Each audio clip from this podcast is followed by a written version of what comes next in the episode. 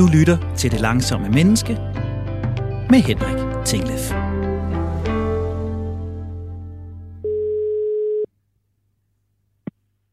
Det er Trine. Hej Trine, det er Henrik Tinglef inden for Radio 4. Goddag, Henrik. Trine, øhm, vi to vi skal jo i studiet sammen om øh, små 14 dage. Ja. Og du har øh, bedt mig om her, siden vi så sidst, at øh, blive lidt klar over, hvad sådan mine tidsudfordringer og fokusudfordringer var i praksis. Ja. ja. Så nu ringer jeg som den gode elev og øh, vil gerne afrapportere til læreren og fortælle, øh, hvad, der, hvad der er i vejen med mig. det glæder jeg mig til.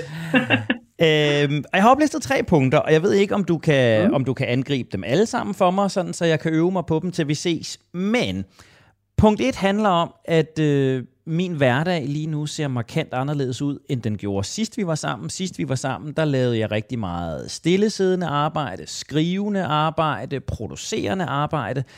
Lige nu laver jeg rigtig meget leverende arbejde. Så underviser jeg, holder foredrag, og er ude omkring.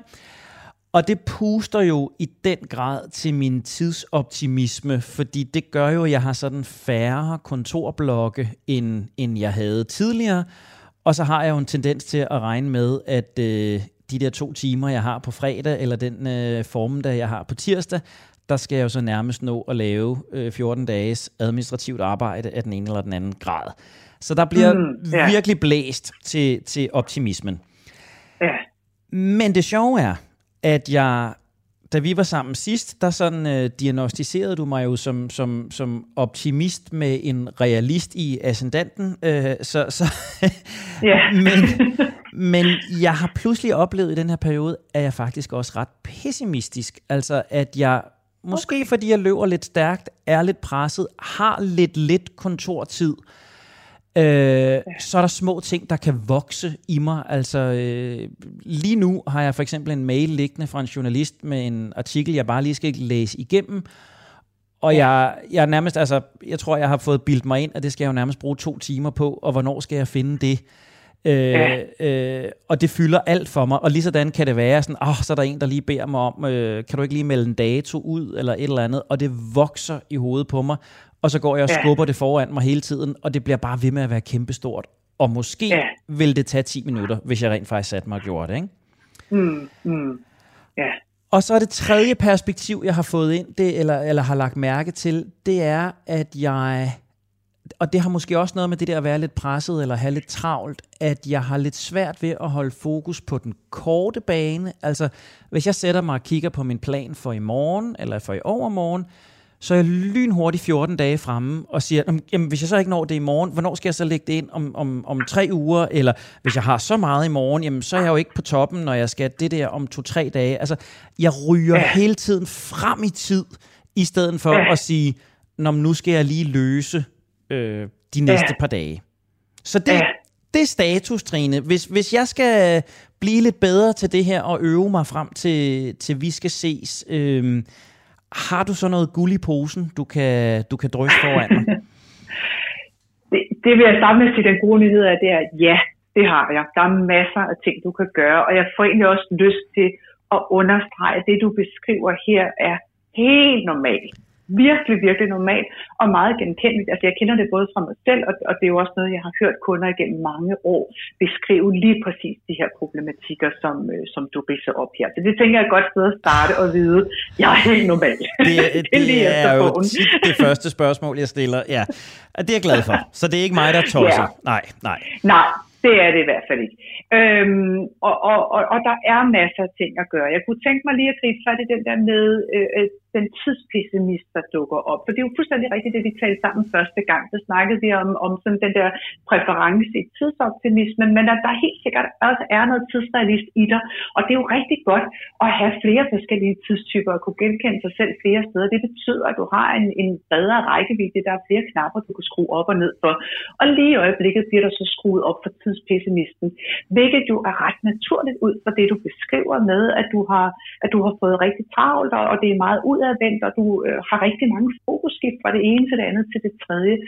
Så, så der er travlt, øh, og så er det, øh, at en lille tidspessimist dukker op og lige siger, hey, jeg er her faktisk også. Så det er jo sådan, kan man sige, en slags overlevelsesstrategi for lige at gøre dig opmærksom på, der er faktisk gang i rigtig mange ting her. Er du nu sikker på, at vi kan nå det? Ja. Så vi skal jo finde nogle strategier, der kan hjælpe din hjerne til både at, at falde lidt ned og, og, og have noget ro og tryghed omkring, at vi skal nok nå det. Og en af de måske aller enkleste og mest effektive strategier er at få snydt hjernen i gang. Fordi jeg tror, mhm. alle, der har prøvet overspringshandlinger, hvilket jo er alle mennesker, jeg har aldrig mødt nogen, der ikke laver overspringshandlinger bare en gang imellem.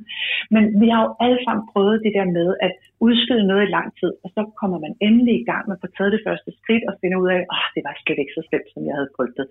Så vi skal have snydt hjernen i gang til at tage det der første skridt. Det, mm. det er i virkeligheden der, hørtlen ligger. Jeg bruger selv en, en, en ret enkel strategi, som stort set virker hver gang, og den virker, selvom jeg godt ved, at jeg er i gang med at snyde min hjerne i gang. Jeg kalder den sæt uret, og det handler i bund og grund om at mærke efter, øhm, ja, altså jeg sætter uret til et bestemt tidsinterval. Øh, og nogle gange er det 10 minutter, nogle gange er det 20 minutter, nogle gange er længere tid. Og, og det handler lidt om lidt at mærke efter, hvad kan jeg overskue her? Fordi det handler ikke så meget om at sige, hvad tager det realistisk set at løse den her opgave? For det kan jo godt være, at den artikel, du skal i gang med, det vil tage dig to timer at løse den. Men måske er tanken om to timers arbejde nok til i sig selv at udløse overspringshandlinger. Så det vi går efter her, det er at, at mærke efter i maven, eller hvor man nu mærker sådan noget henne, øh, hvor, hvor let kan min hjerne overskue? Øh, hvor langt ned minutmæssigt skal jeg, før min hjerne begynder at tænke, okay, så, så lad os bare give det et skud. Og for mig ligger det typisk et sted mellem 10 og 30 minutter. Så lad os nu sige for dit vedkommende, lad os sige det er et kvarter. Ja. Så sætter du uret på et kvarter, det kan bare være din mobiltelefon, et ego og et eller andet. Fordi det der sker her, det er, at vi siger jo til vores hjerne, prøv at høre kammerat, bare rolig, vi skal slet ikke i gang med store tidskrævende opgaver. Lige nu, der tager vi bare et kvarter af den her opgave. Og det, der er vigtigt, det er, at man giver sig selv carte blanche til, når uret så ringer efter et kvarter, så er det faktisk tilladt at stoppe med opgaven og lægge den til side. Man kan jo altid tage et kvarter senere. Lige nu handler det bare om at snyde hjernen til at sige, vi arbejder kun på den et kvarter. Og det kan de fleste hjerner godt være med på, selvom man er lidt for travle. Okay, vi tager et kvarter, det er fair nok. Så committer vi os til, så skal jeg også arbejde på den opgave kvarter. Jeg har carte blanche til at lukke ned efter kvarter, men jeg skal være fokuseret og arbejde på opgaven det kvarter. Og så sætter jeg simpelthen uret og går i gang. Og så sker der det, når uret ringer efter et kvarter. For det første, så, og det er det, jeg mener med, at jeg hopper på den hver gang, for jeg ved jo godt, når jeg gør det her. Jeg ved jo godt, at det er en strategi for at snyde min hjerne, men den hopper altså på den alligevel. Jeg ved ikke, om det siger mere om min hjerne eller hvad. Men, men, men så kommer jeg i gang, og når uret så ringer et kvarter senere, så er der en sjældent gang mellem, at jeg tænker, pyha, det var rart, det var et kvarter, nu kan jeg holde en pause, og så lukker jeg ned på opgaven. Men de fleste gange er jeg jo faktisk kommet så godt i gang med opgaven, så når uret ringer, tænker jeg, jeg kunne faktisk godt lige tage et kvarter mere. Og det er jo lidt det, vi går efter, at få snydt hjernen i gang med at løse opgaven, så vi ikke går i panik. Og når vi så er i gang, så kan vi jo bare fortsætte. Der er jo ikke nogen, der siger, at jeg skal stoppe, men hvis jeg ikke orker mere, så er det fair nok at stoppe, og så kan jeg jo holde en pause, lave noget andet, og så vende tilbage til den igen senere. Den er på listen. Den øver jeg mig i. Super. Så har vi det næste. Det er så det her med, nu sidder du her og skal, og skal være fokuseret, øh, øh, og, og så er det faktisk nogle gange svært at fastholde det fokus. Nogle gange kan det handle om, om, at hjernen går lidt i panik, som vi lige har snakket om nogle gange kan det jo reelt også handle om, at fordi du så har, har, har, har været ude og undervise og lave alt muligt andet, måske er du rent faktisk træt, måske er din hjerne ikke helt øh, øh, optimalt fokuseret på det tidspunkt, hvor du så skal sætte dig ned og, og skrive. Men der findes så nogle små lifehacks, man kan benytte sig af. Og øh, i min, I min bog Fokus, som skaber du gode arbejdsbetingelser for hjernen, der har jeg jo brugt rigtig meget krudt på at netop finde frem til de her smarte videnskabelige lifehacks. Og der findes en, øh, en professor i neurobiologi og oftalmologi, der hedder Andrew Huberman fra Stanford University School of Medicine, som er vildt optaget af, hvordan kan vi udnytte den viden, vi har fra videnskaben omkring, hvordan vores hjerner virker til at optimere vores hverdag. Og han beskriver to visuelle trick, der giver instant fokus, altså som styrker vores kognitiv fokus med det samme. Og han beskriver, hvordan vores oftalmologi, det er jo viden omkring øjet, øjet og øjensygdomme, så det er jo virkelig hans videnskabelige mm. speciale her. Og han beskriver så, øhm, hvordan vores øh, kognitive fokus faktisk er forankret i vores visuelle fokus. Og det er ret interessant der, fordi han beskriver, at det første tip, det handler om, at der er to muligheder. Når vi skal kigge på ting, så har vi to muligheder. Enten så kan vi vælge sådan et hvidvinkel fokus. Det er der, hvor man øh, forsøger at få alt i, i, i sit blik med. Altså hvor vi sådan kigger bredt ud på det, der er foran os. Så kan man få helhederne med, men vi kan ikke stille skarpt ind på de enkelte objekter. Hvis man nu sidder og kigger ud på et landskab, så vil du få sådan et hvidvinkelbillede, men du vil ikke kunne se de enkelte detaljer.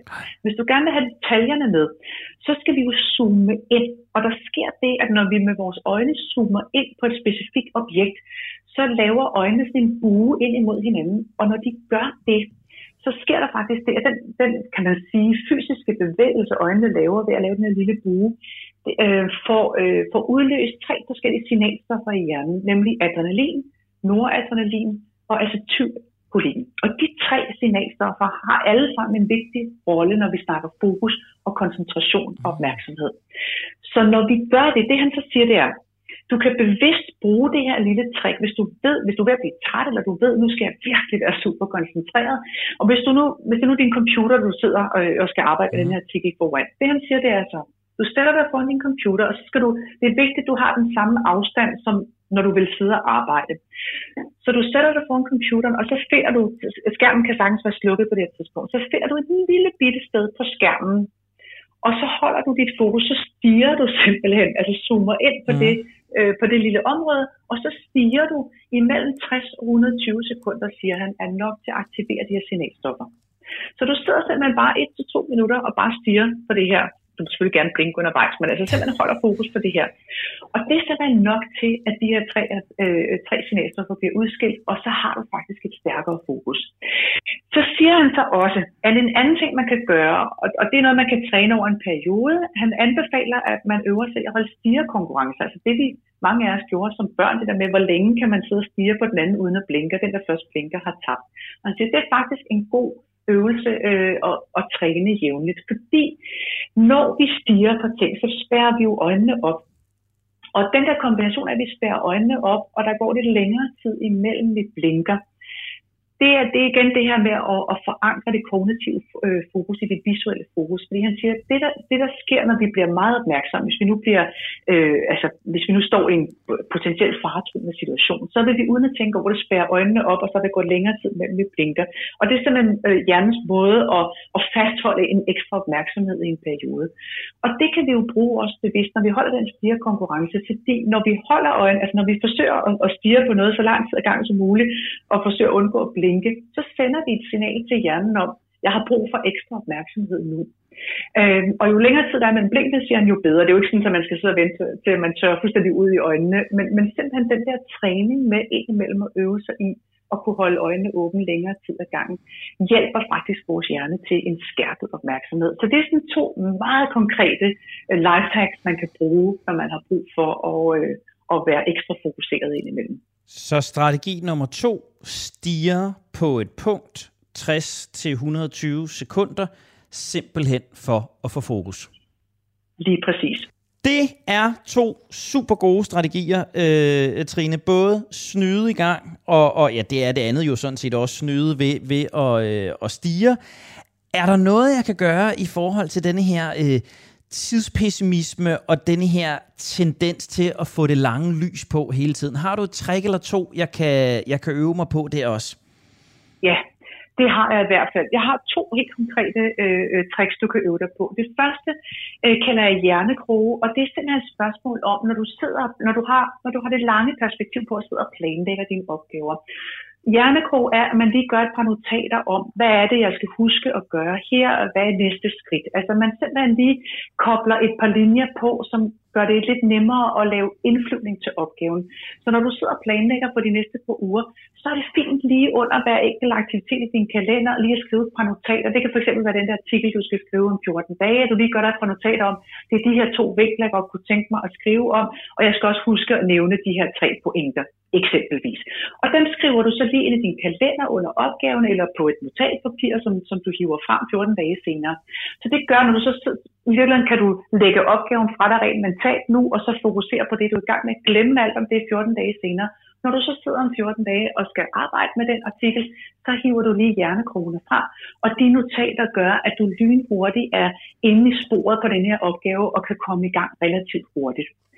Det andet tip, jeg vil foreslå dig at, at kigge lidt på til næste gang, det er det her med at, at, at gå din tidspessimist lidt nærmere efter i sømne.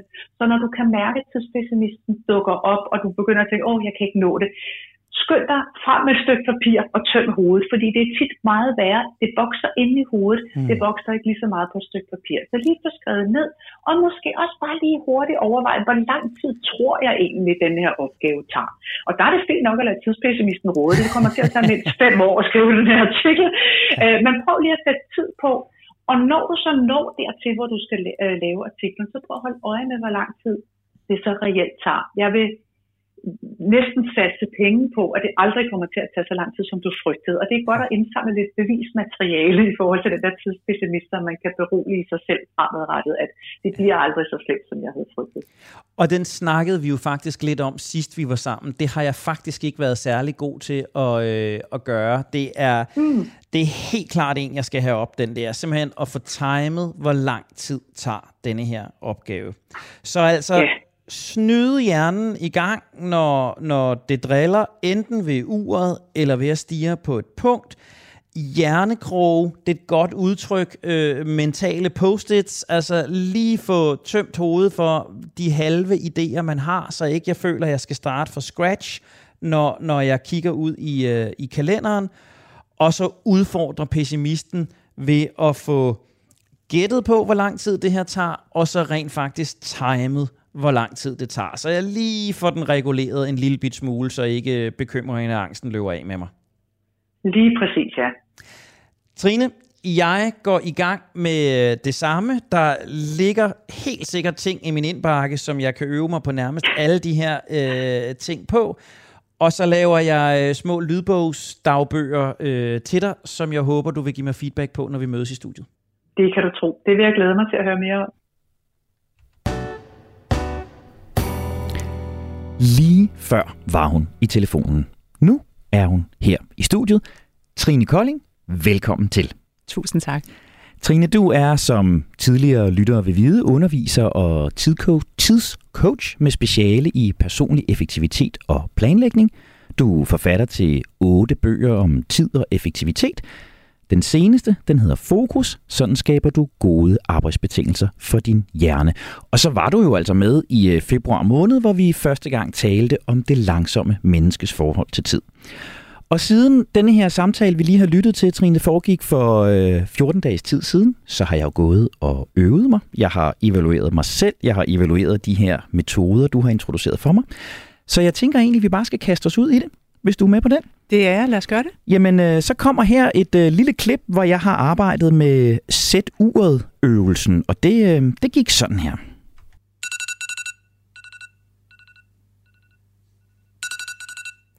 Ja, det var jo så øh, lyden af mine 15 minutter, der rendte ud der. Øhm, Trine, jeg har øvet mig lidt i det her med at snyde hjernen i gang ved at sætte uret, udfordre min mine sceneskift, øh, mit skift mellem at være på og sætte mig og fokusere, ved sådan at sætte tid. Jeg har prøvet med 10 minutter, 15 minutter, 20 minutter. Det virker okay, og jeg har flere gange oplevet, at det, det har gjort det lidt mere overskueligt, og eller at, at det både har gjort det overskueligt, og at jeg får lavet mere end mine 10-15 minutter. Så langt, så godt. Men jeg oplever også, at jeg bliver lidt udfordret på, hvilken opgave skal jeg så gøre det her med? Hvad for en er bedst at starte med? Øh, øh, skal jeg nu gøre det med den, eller skal jeg gøre det med den? Skal jeg gøre det flere gange? Skal jeg tage 15 minutter på den her opgave, og 15 minutter på den her opgave? Og så oplever jeg altså, at jeg stresser lidt. Øh, så sidder jeg i de der 10-15 minutter og hele tiden evaluerer, kan jeg nu mere? Hvor længe kan jeg blive ved? Det er lige før, jeg kan konkurrere lidt med mig selv om, hvor meget jeg kan nå på den her tid. Øh, fordi så var det måske klaret, og så kunne jeg komme over noget andet. Så på den ene side snyder jeg mig i gang, på den anden side oplever jeg faktisk, at jeg stresser mig lidt. Så øh, what to do, Trine? Er det mig, der fejler? Er den her metode ikke den rigtige øh, for mig? Er der andre metoder til at snyde hjernen i gang, hvor jeg måske falder lidt mere ned. Altså ud over det der med at stige, som vi også skal snakke om lidt senere. Ja, altså, jeg har jo sådan set stillet spørgsmålet, Trine. Øh, er det mig, der er en lille øh, racerbil, der bliver tidsoptimist, når jeg giver mig selv 15 minutter, eller er det noget, der sker for folk, det her? Og, og, og kunne der være andre måder at snyde hjernen i gang på, hvis man som jeg har tendens til at stresse op, når man gør det? Mm. Altså først og fremmest, der, der er jo mange spørgsmål i det her, som, øh, som du stiller undervejs, som er, er, er virkelig relevante og, øh, og tankevækkende. Jeg tænker ja til, at du bliver en lille racerbil, der er en tidsoptimist, og det gør vel ikke noget. Altså jeg kender det fuldstændig fra mig selv, det der med, at så får jeg lyst til at konkurrere. Og det er jo heller ikke helt dårligt, fordi det, så bliver der også udskilt nogle hormoner, der gør os i stand til at arbejde lidt bedre, lidt mere effektivt, så, så fred være med det. Og jeg har det princip, der hedder whatever works, så, så hvis det virker for dig i nogle situationer, så bliver vi med det. Og så gør du det helt rigtigt fordi du eksperimenterer med det. Du eksperimenterer med forskellige varigheder af det. Og jeg tror, det er vigtigt at huske med sådan nogle metoder her, at, at det er godt at have en vifte af forskellige metoder, man kan benytte sig i. nogle situationer noget fungerer, og andre situationer ikke så meget. Øhm, jeg kunne godt tænke mig at gribe fat i den, der hedder skal jeg så gøre det med flere opgaver? Skal jeg skifte imellem osv.? Fordi som udgangspunkt vil jeg sige, jo længere tid du kan blive den enkelte opgave, jo bedre, fordi hver eneste gang du skifter, selvom det er et kalkuleret bevidst skift, så skal du til at fokusere på noget andet, og der er noget, der er sådan et begreb, der hedder opmærksomhedsefterslæb, øh, som en, en amerikansk forsker har skrevet en del om, som handler om, at når vi skifter fra opgave A til B, så vil der altid være noget efterslæb. Så selvom vi går i gang med opgave B, så vil vi, vores del af vores opmærksomhed stadig hænge fast i opgave A, og jo flere gange vi skifter til alt muligt, jo, jo større bliver det her efterslæb, og jo sværere er det at koncentrere sig. Så i sig selv giver det god mening at holde fast i en opgave, så længe du er i stand til det. Nogle gange kan der jo være nogle tidsmæssige årsager eller andre ting, der gør, at man ikke kan komme videre. Men jeg vil sige, hvis du oplever, snyd, at det at snyde hjernen en gang handler jo først og fremmest om at få taget det første vigtige skridt, og hvis du har muligheden og tiden til at fortsætte med den opgave, så vil jeg til enhver tid anbefale, at så gør endelig det, fordi du er alligevel inde i det. Og uanset øh, hvor spændende den opgave, du skal skifte over til er, så er der jo noget indflyvning, noget indløb til den også, og det tager også tid. Og en anden ting er også, at de her fokusskift, øh, de, de tager simpelthen ressourcer. Altså vores hjerne kører på glukose og, og ilt, og jo flere gange vi laver fokusskift, jo større bliver forbruget af glukose. Og det er det, der forklarer, hvorfor rigtig mange efter en dag i storrumskontor er enormt udmattet i deres hjerner. Det er simpelthen fordi, vi har opbrugt hele lageret af glukose på at lave det her fokusskift.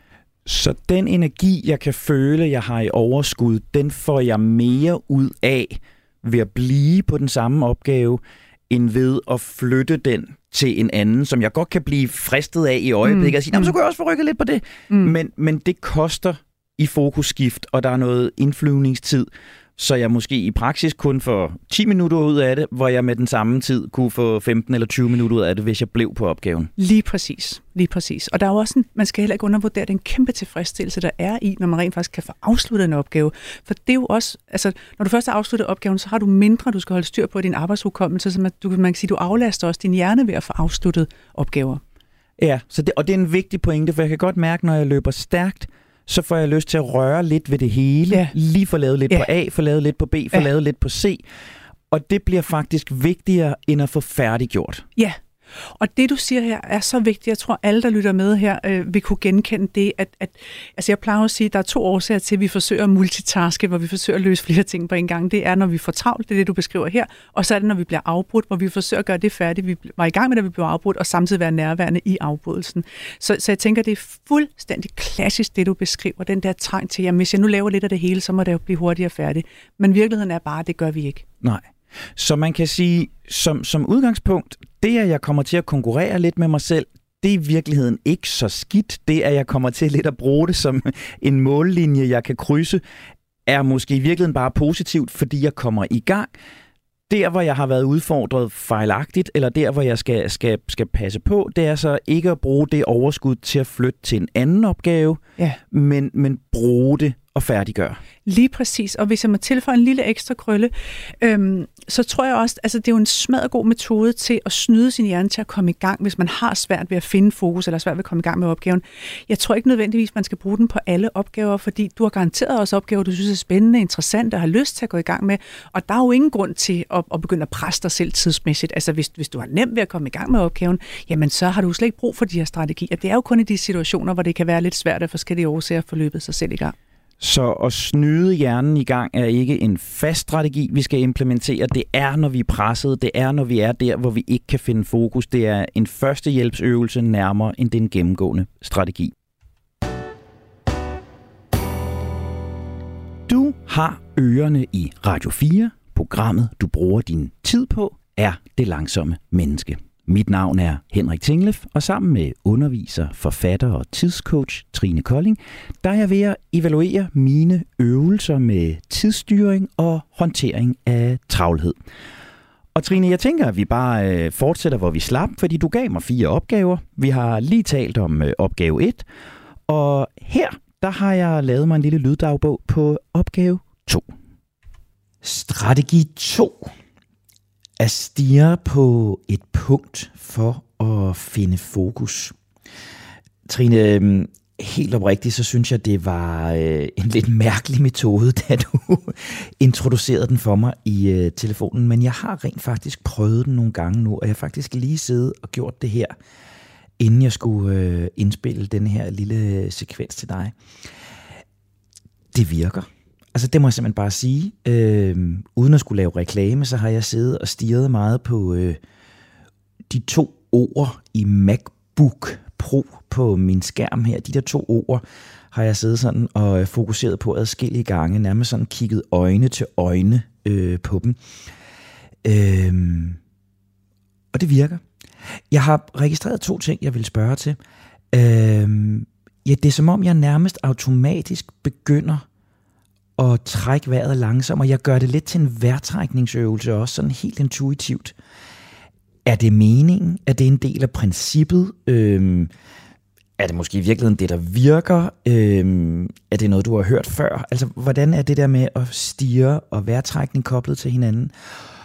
Og så skal jeg simpelthen høre noget mere om den her mekanisme. Altså, hvad er det, der sker? Hvad er det, hvad er det, det der stieren øh, kan? Og, og jeg sad og tænkte på her, da jeg lavede den nu, hvor jeg jo faktisk ikke sådan skulle skrive eller fordybe mig, men, men, men tale igen. Kan jeg bruge de her stireøvelser til at finde ro og fokus i andre sammenhænge foran et, eller før et foredrag, eller inden et møde, eller i et møde? Øh, kan man begynde at sidde og stige på et punkt i et møde? Whatever. Øh, så, så det der med vejrtrækning, og hvad er det, der virker i det her? Øh, fordi det virker altså for mig, det må jeg bare konstatere.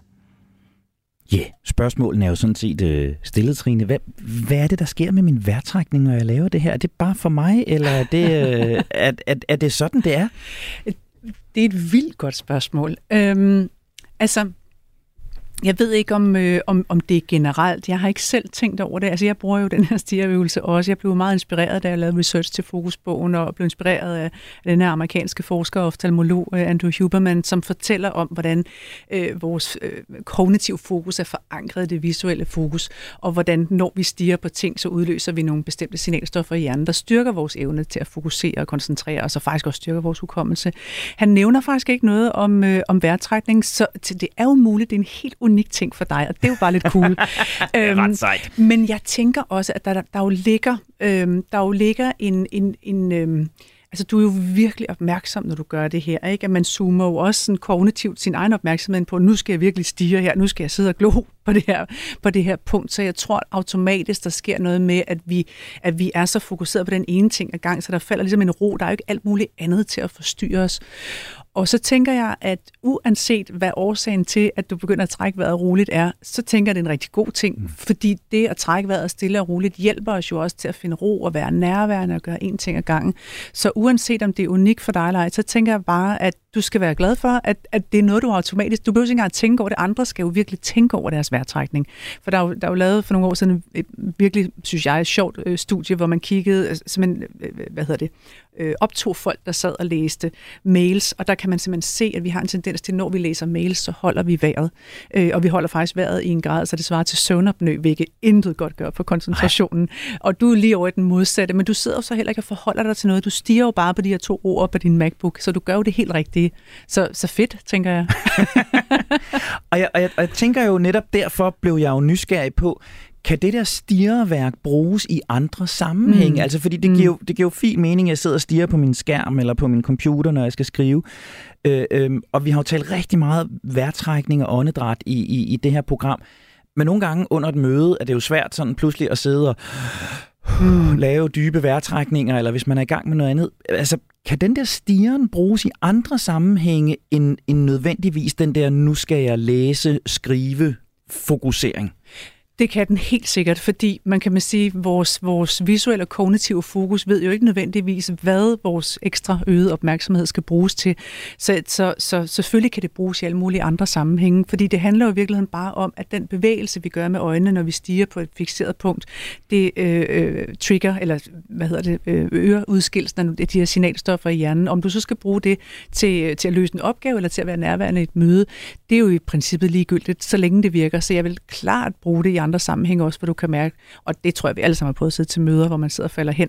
Og der kan man jo godt sidde og stige meget intens ned på sine noter, eller, eller hvor det nu er, man kigger hen. Ikke? Så ja. det er jo i virkeligheden sådan en lille lifehack til, uh, trælse møder. Ja, og i stedet for at blive væk i noterne og bare mm. lade tiden gå i dem, ja. så rent faktisk bruge dem til at, at, at genfinde fokus ja. i, i det, vi er i. Ikke ja. stige på linjerne eller firkanterne på, på papiret. Ja, præcis. Fedt. Jamen, ved du hvad? Lad os ikke bruge mere tid på den, fordi øh, nu kommer der, hvor jeg har, øh, hvor jeg vidderlig har, har været udfordret. Øh, vi talte hjernekroge, og ja, jeg synes bare, du skal høre, hvad, hvad jeg har at falbulere over her. Ja. Tredje udfordring, du gav mig, Trine, det var hjernekroge. Ah, det har været svært. Øh, det, det, det er simpelthen ikke lykkedes for mig. Det må, det må jeg bare konstatere. Jeg har prøvet så sent som her i dagene op til, at vi skulle mødes igen, og jeg... Øh, ja, det fungerer ikke for mig. Øh, hvis jeg skal være helt ærlig, så tror jeg faktisk, jeg er blevet lidt frustreret over det. Øh, det har givet anledning til sådan en masse tanker om, om det burde jeg lige få noteret, det burde jeg lige få skrevet ned. Øh, øh, jeg har fået lavet nogle lister, sådan forsøgt at tømme hovedet, lavet lister, øh, hvilket jeg nærmest bare stresset endnu mere over, alle de her ting. Øh, og så fået helt vildt svært ved at prioritere, hvad er det her så vigtigt, hvad er det for eksempel, jeg skal bruge 10-15 minutter på at snyde hjernen i gang med. Øh, ja, det, det kan være, at jeg har gjort det forkert, det kan være, at jeg har beskrevet udfordringen øh, forkert. Hjernekrogene har ikke virket. Tværtimod har de givet mig dårlig samvittighed og irritation på mig selv over, at jeg får susket og ikke får noteret mig øh, de ting, jeg burde. Og det har nærmere givet mig endnu mere opmærksomhed på alle de ting, jeg burde få lavet. Også dem, der ligger ude i fremtiden. Så jeg tror i virkeligheden, der er to spørgsmål, der kommer ud af det her. Altså ud over, hvorfor fucker jeg den her metode op? Men, men det handler måske i virkeligheden om en anden udfordring. Jeg kan mærke, når der er rigtig mange ting på tallerkenen, så bliver jeg dårlig til at prioritere. Altså, hvad er vigtigst lige nu, og hvad kan rent faktisk øh, udskydes og vente. Og så tror jeg i virkeligheden også, at jeg har brug for en strategi til det stik modsat af, hvad det her i virkeligheden nok har fået mig til. Altså, hvordan giver jeg slip på noget? Hvordan siger jeg til mig selv, jamen, det jeg skal om fire uger, fem uger, seks uger, det behøver jeg faktisk slet ikke bekymre mig om lige nu. Øhm, for det er nærmest som om det her med at lave små noter på det, bare har fået mig til at fokusere endnu mere på det. Jeg håber, det giver mening. Ellers så må vi jo snakke om det, når vi ses. Men, men hjernekrog, den har ikke virket. Sorry, Trine. Altså, det er jo en frustreret mand, der, der taler der, og, og jeg kan da godt høre, at jeg, jeg var falbulerer lidt. Øh, øh, Giver det mening, hvad jeg beskriver her, Trine? Kan du følge øh, det, der er kørt skævt for mig? Ja, det kan jeg sagtens. Øh, og jeg tænker, det er godt, at du falbulerer, fordi jo flere ord, du kan sætte på, hvor det går galt, jo nemmere er det også at grave lidt dybere ned i det. Og altså først og fremmest er jeg jo ked af at høre, at de kan virke for dig, fordi hjernekrog er jo, er jo et af mine personlige favoritredskaber. Så der er to ting, jeg får lyst til at sige. Den ene, det er, det er jo ikke alt, der virker for alle. Nej. Og det er måske en en af de vigtigste pointer, når vi snakker værktøjer, strategier og metoder, det er one size doesn't fit all. Så, så, så der er en mulighed, der hedder, måske er hjernekrog bare ikke noget for dig. Altså, måske får de den modsatte effekt, og så er det sådan, det er, og så smider du dem bare ud til højre. Det kan også være, at du skal justere måden, du bruger dem på. Øh, fordi jeg kan også høre, at der dukker rigtig mange tanker, så selve øvelsen, selve værktøjet bliver noget at reflektere over. Og det er jo i virkeligheden ikke meningen. Det er jo egentlig bare meningen, at det skal være en hjælp til dig til at, at, at få tømt hovedet, få en nemmere hverdag og, og kunne give slip på det, der er langt ude i fremtiden. Øhm, så mm, der er mange kroge lige, apropos hjernekrog, der er mange øh, kroge lige at gribe fat i. Men først får jeg lyst til at sige, mm, det er jo ikke nødvendigt at lave hjernekrog på alting. Jeg har masser af opgaver i min kalender til i dag, til i morgen og til ud i fremtiden, hvor jeg udmærket godt ved, hvad opgaven går ud på, og hvad jeg skal gøre, hvor jeg i princippet nemt kan sætte mig ned og begynde at gå i gang. Hjernekroge kan være gode dels som en slags indflyvning til en opgave, hvis det er en stor opgave eller kompliceret, eller man faktisk er lidt i tvivl om, hvor man ligesom skal starte henne. Der kan det være godt. Det er ikke noget, man skal presse frem, men du har sikkert også, ligesom jeg har prøvet nogle gange, og, og, hvor tankerne har bevæget sig ud i fremtiden, når du kommer til at tænke på en opgave, en kundeopgave eller et interview, du skal lave, og så dukker der lige nogle tanker op. Gud, når jeg skal snakke med ham om 14 dage, så skal jeg huske at spørge om. Det er der, hvor jeg især bruger hjernekrog, fordi ellers så ligger det i min hukommelse og fylder op, og så bliver jeg bange for, at jeg glemmer det til om 14 dage. Så på den måde er det ligesom også en slags kartotek eller arkiv for de ting, jeg på et senere tidspunkt skal huske. Så jeg sidder jo ikke her sådan bevidst og tænker, nu skal jeg finde hjernekrog til alle mine opgaver. Det er kun, hvis der dukker noget op, hvor jeg er bange for at tabe det senere der tror jeg, jeg har, der tror jeg, den har trigget noget andet i mig, at ja. jeg følte sådan en trang til ja. at få gjort det til alt, ja. og nærmest gik med lidt dårlig samvittighed, ja. hvis, hvis nå, jeg havde ikke fået fyldt noget på den der, og ja. nu kom jeg lige til at tænke på det der, jamen, så må jeg jo hellere fylde nogle kroge ja. på den. Ja. Øh, og så var det det nærmere blevet en stressfaktor. Ja, så så jeg har måske virkelig overgjort øvelsen. Det, det, det tror jeg ud fra det, du beskriver, og det er jo helt forståeligt og naturligt nok, fordi det er et nyt redskab, og nogle gange så skal man lige i gang med at finde ud af, hvordan man bruger det osv. Og, og det er jo derfor, det er så godt at have den her refleksion og opsamling på det, fordi ofte, når metoder og værktøjer ikke virker, så er det fordi, vi skal ind og justere lidt på dem og gøre dem mere personlige. Så, så en ting er at bruge hjernekrone som sådan en slags arkiv, øhm, og så kan jeg sagtens, så kan, jeg kan også sidde og arbejde på nogle andre opgaver, og så lige pludselig dukker der en tanke op om et eller andet ude i fremtiden. Og, og det er jo også en måde at parkere. Det er både det er både at hjælpe mig selv til, når jeg kommer frem til den opgave om 14 dage, at have noget indflyvning, nogle hjernekroge, der gør det nemt for mig at komme ind i opgaven. Men det er jo i virkeligheden også et sted at få læsset alle de der idéer, sådan en slags parkeringsplads. Så ja. går jeg ind i min kalender, og det får jeg lyst til lige at gå videre, fordi du siger, det er sindssygt svært at prioritere. Nu ved, ah, ved jeg jo af gode grunde ikke helt præcis, hvordan du øh, prioriterer og planlægger, men rigtig mange af mine kunder, de arbejder jo med lister, og, og lister er fint, fordi vi, vi aflaster arbejdshukommelsen, og, og vi gør det overskueligt, og vi får det ned på et stykke papir osv. Men en liste kan også være virkelig overvældende, så hvis jeg sidder med en liste, der du ved, er opgaver alt fra i dag til om en måned, jeg bliver helt træt, så kommer min indre tidspessimist op i mig, hvor jeg faktisk for mange år siden gået væk fra at lave lister til at bruge min kalender som mit primære øh, liste, øh, eller arbejds, hvad skal man sige, opgavestyringsværktøj. Og pointen med det er, at i stedet for at have en lang forløbende liste over alle opgaver, så sidder jeg, når opgaverne kommer ind og vurderer, hvornår er det egentlig, jeg skal løse dem her. Så der foretager jeg prioriteringen. Så hvis det nu var for eksempel vores interview i dag, der har jeg jo op til vores forsamtale, så har jeg gjort mig nogle tanker, og så har jeg lagt ind i min kalender, hvor jeg lige skal bruge en halv time, tre kvarter på lige at tænke igennem, hvad det er, jeg gerne øh, vil give dig af, af gode redskaber. Så lægger jeg det ind i kalenderen, fordi så kommer det ud af mit hoved, og ind i kalenderen, ind i et system, et system, der er designet til, at jeg fra nu af til derhen, hvor jeg skal gøre det, kan glemme alt om det. Det er, øh, det er spot on for mig, det der. Hold op, hvor har jeg mange lister, og så har jeg flere forskellige lister, øh, øh, som jeg så merger på et eller andet tidspunkt. Ja. Og, men det er jo rigtigt, jeg tager ikke stilling til, hvor lang tid tiden, øh, lang tid tiden eller opgaven tager. Jeg tager ikke stilling til, hvornår den skal løses. Det bliver bare en, en, en optegnelse over øh, bekymringer og dårlig samvittighed. Ja. Hvis jeg med det samme får det lagt ind i kalenderen, så giver det mening. Det, ja. det er... Øh, den er, den er noteret, og det tror jeg, jeg skal, jeg tror, jeg skal prøve det, før jeg skal prøve mere med hjernekroge. Så skal jeg øve mig i at få det i kalenderen, få det tidsat i kalenderen, og så kan det være, at hjernekrone giver, giver bedre mening for mig. Ja, og en lille krølle til sidst, det er, når du så får lyst til måske på et tidspunkt at eksperimentere med din hjernekrog. Jeg lægger jo mine hjernekrog ind i kalenderen på den opgave. Så når jeg når der til om 14 dage jeg åbner den aktivitet, så ligger det hele, alle mine tanker, jeg har gjort mig, og mine noter, de ligger klar til mig derinde. Så det kunne være en måde at kombinere de to. Nu har du lige fået ros, Trine. Nu skal du øh, holde godt fast i bordpladen, fordi øh, Nu kommer næste lyddagbog. Nå, Trine. Øh, jeg har en høne at plukke med dig. jeg har faktisk indspillet den her evaluering øh, adskillige gange af det her trick med, hvor lang tid tror jeg, det tager. Øh, og nu laver jeg den, den, som jeg vil spille for dig, fordi du havde jo ret til at starte med. Du sagde, da vi talte i telefonen sammen, at du vil næsten love mig, at tingene ikke tog så lang tid, som jeg forventede. Det havde jeg også nogle dage, hvor jeg havde nogle gode oplevelser med, og det har jeg rent faktisk indspillet nogle lydklip til dig. Men det er ikke dem, du kommer til at høre. Fordi der skete så det ret hurtigt, 4-5 dage efter vi havde talt sammen, at jeg tog grueligt fejl. Og det var en af mine hadeopgaver, et interview, jeg havde givet, hvor jeg skulle læse journalistens øh, ting igennem, og med al respekt for, for vedkommende, øh, så var det simpelthen misset. Vi havde talt forbi hinanden, og det, jeg havde brugt en masse energi, belært af dig, Trine, på at fortælle mig selv, det kan jeg nemt klare, det er, tager bare lige 10 minutter.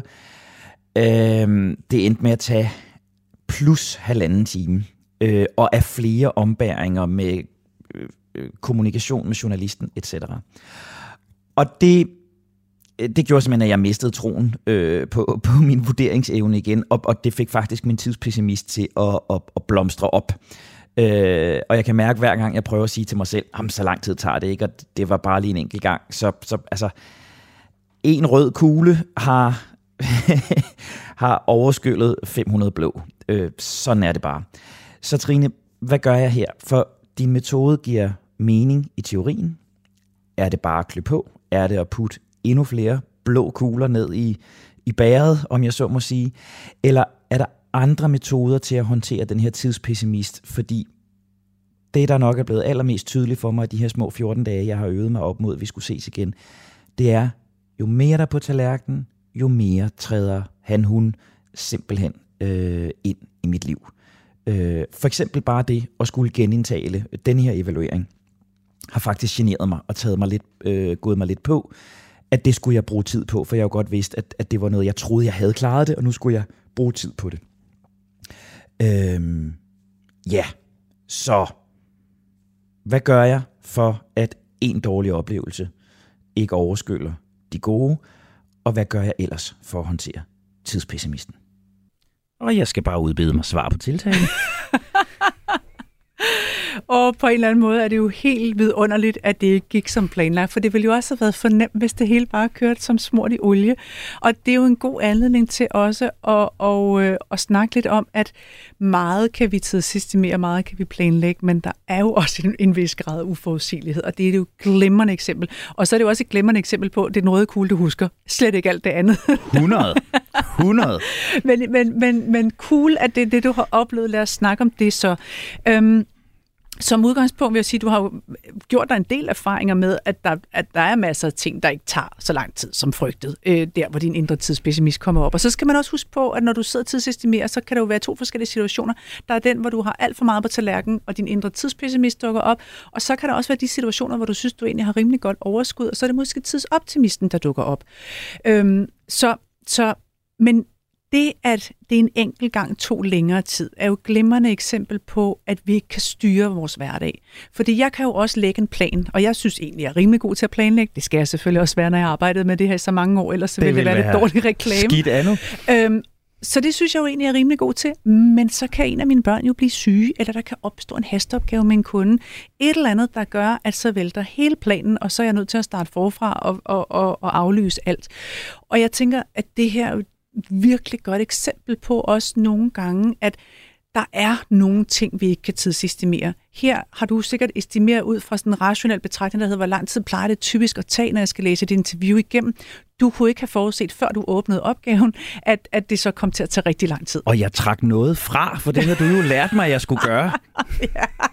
Jeg kan godt se, det, det er kørt helt af sporet for os begge to her samtidig, ud over Alp. Ja. Øhm, men, men det er jo en påmindelse om, at vi ikke kan styre alting. Jeg, jeg vil være ked af, hvis du tog det som et bevis for, at så virker metoden aldrig nogensinde. Jeg vil, jeg vil nok snarere sige, det er et godt eksempel på nogle gange, at det er ikke alt, vi kan styre.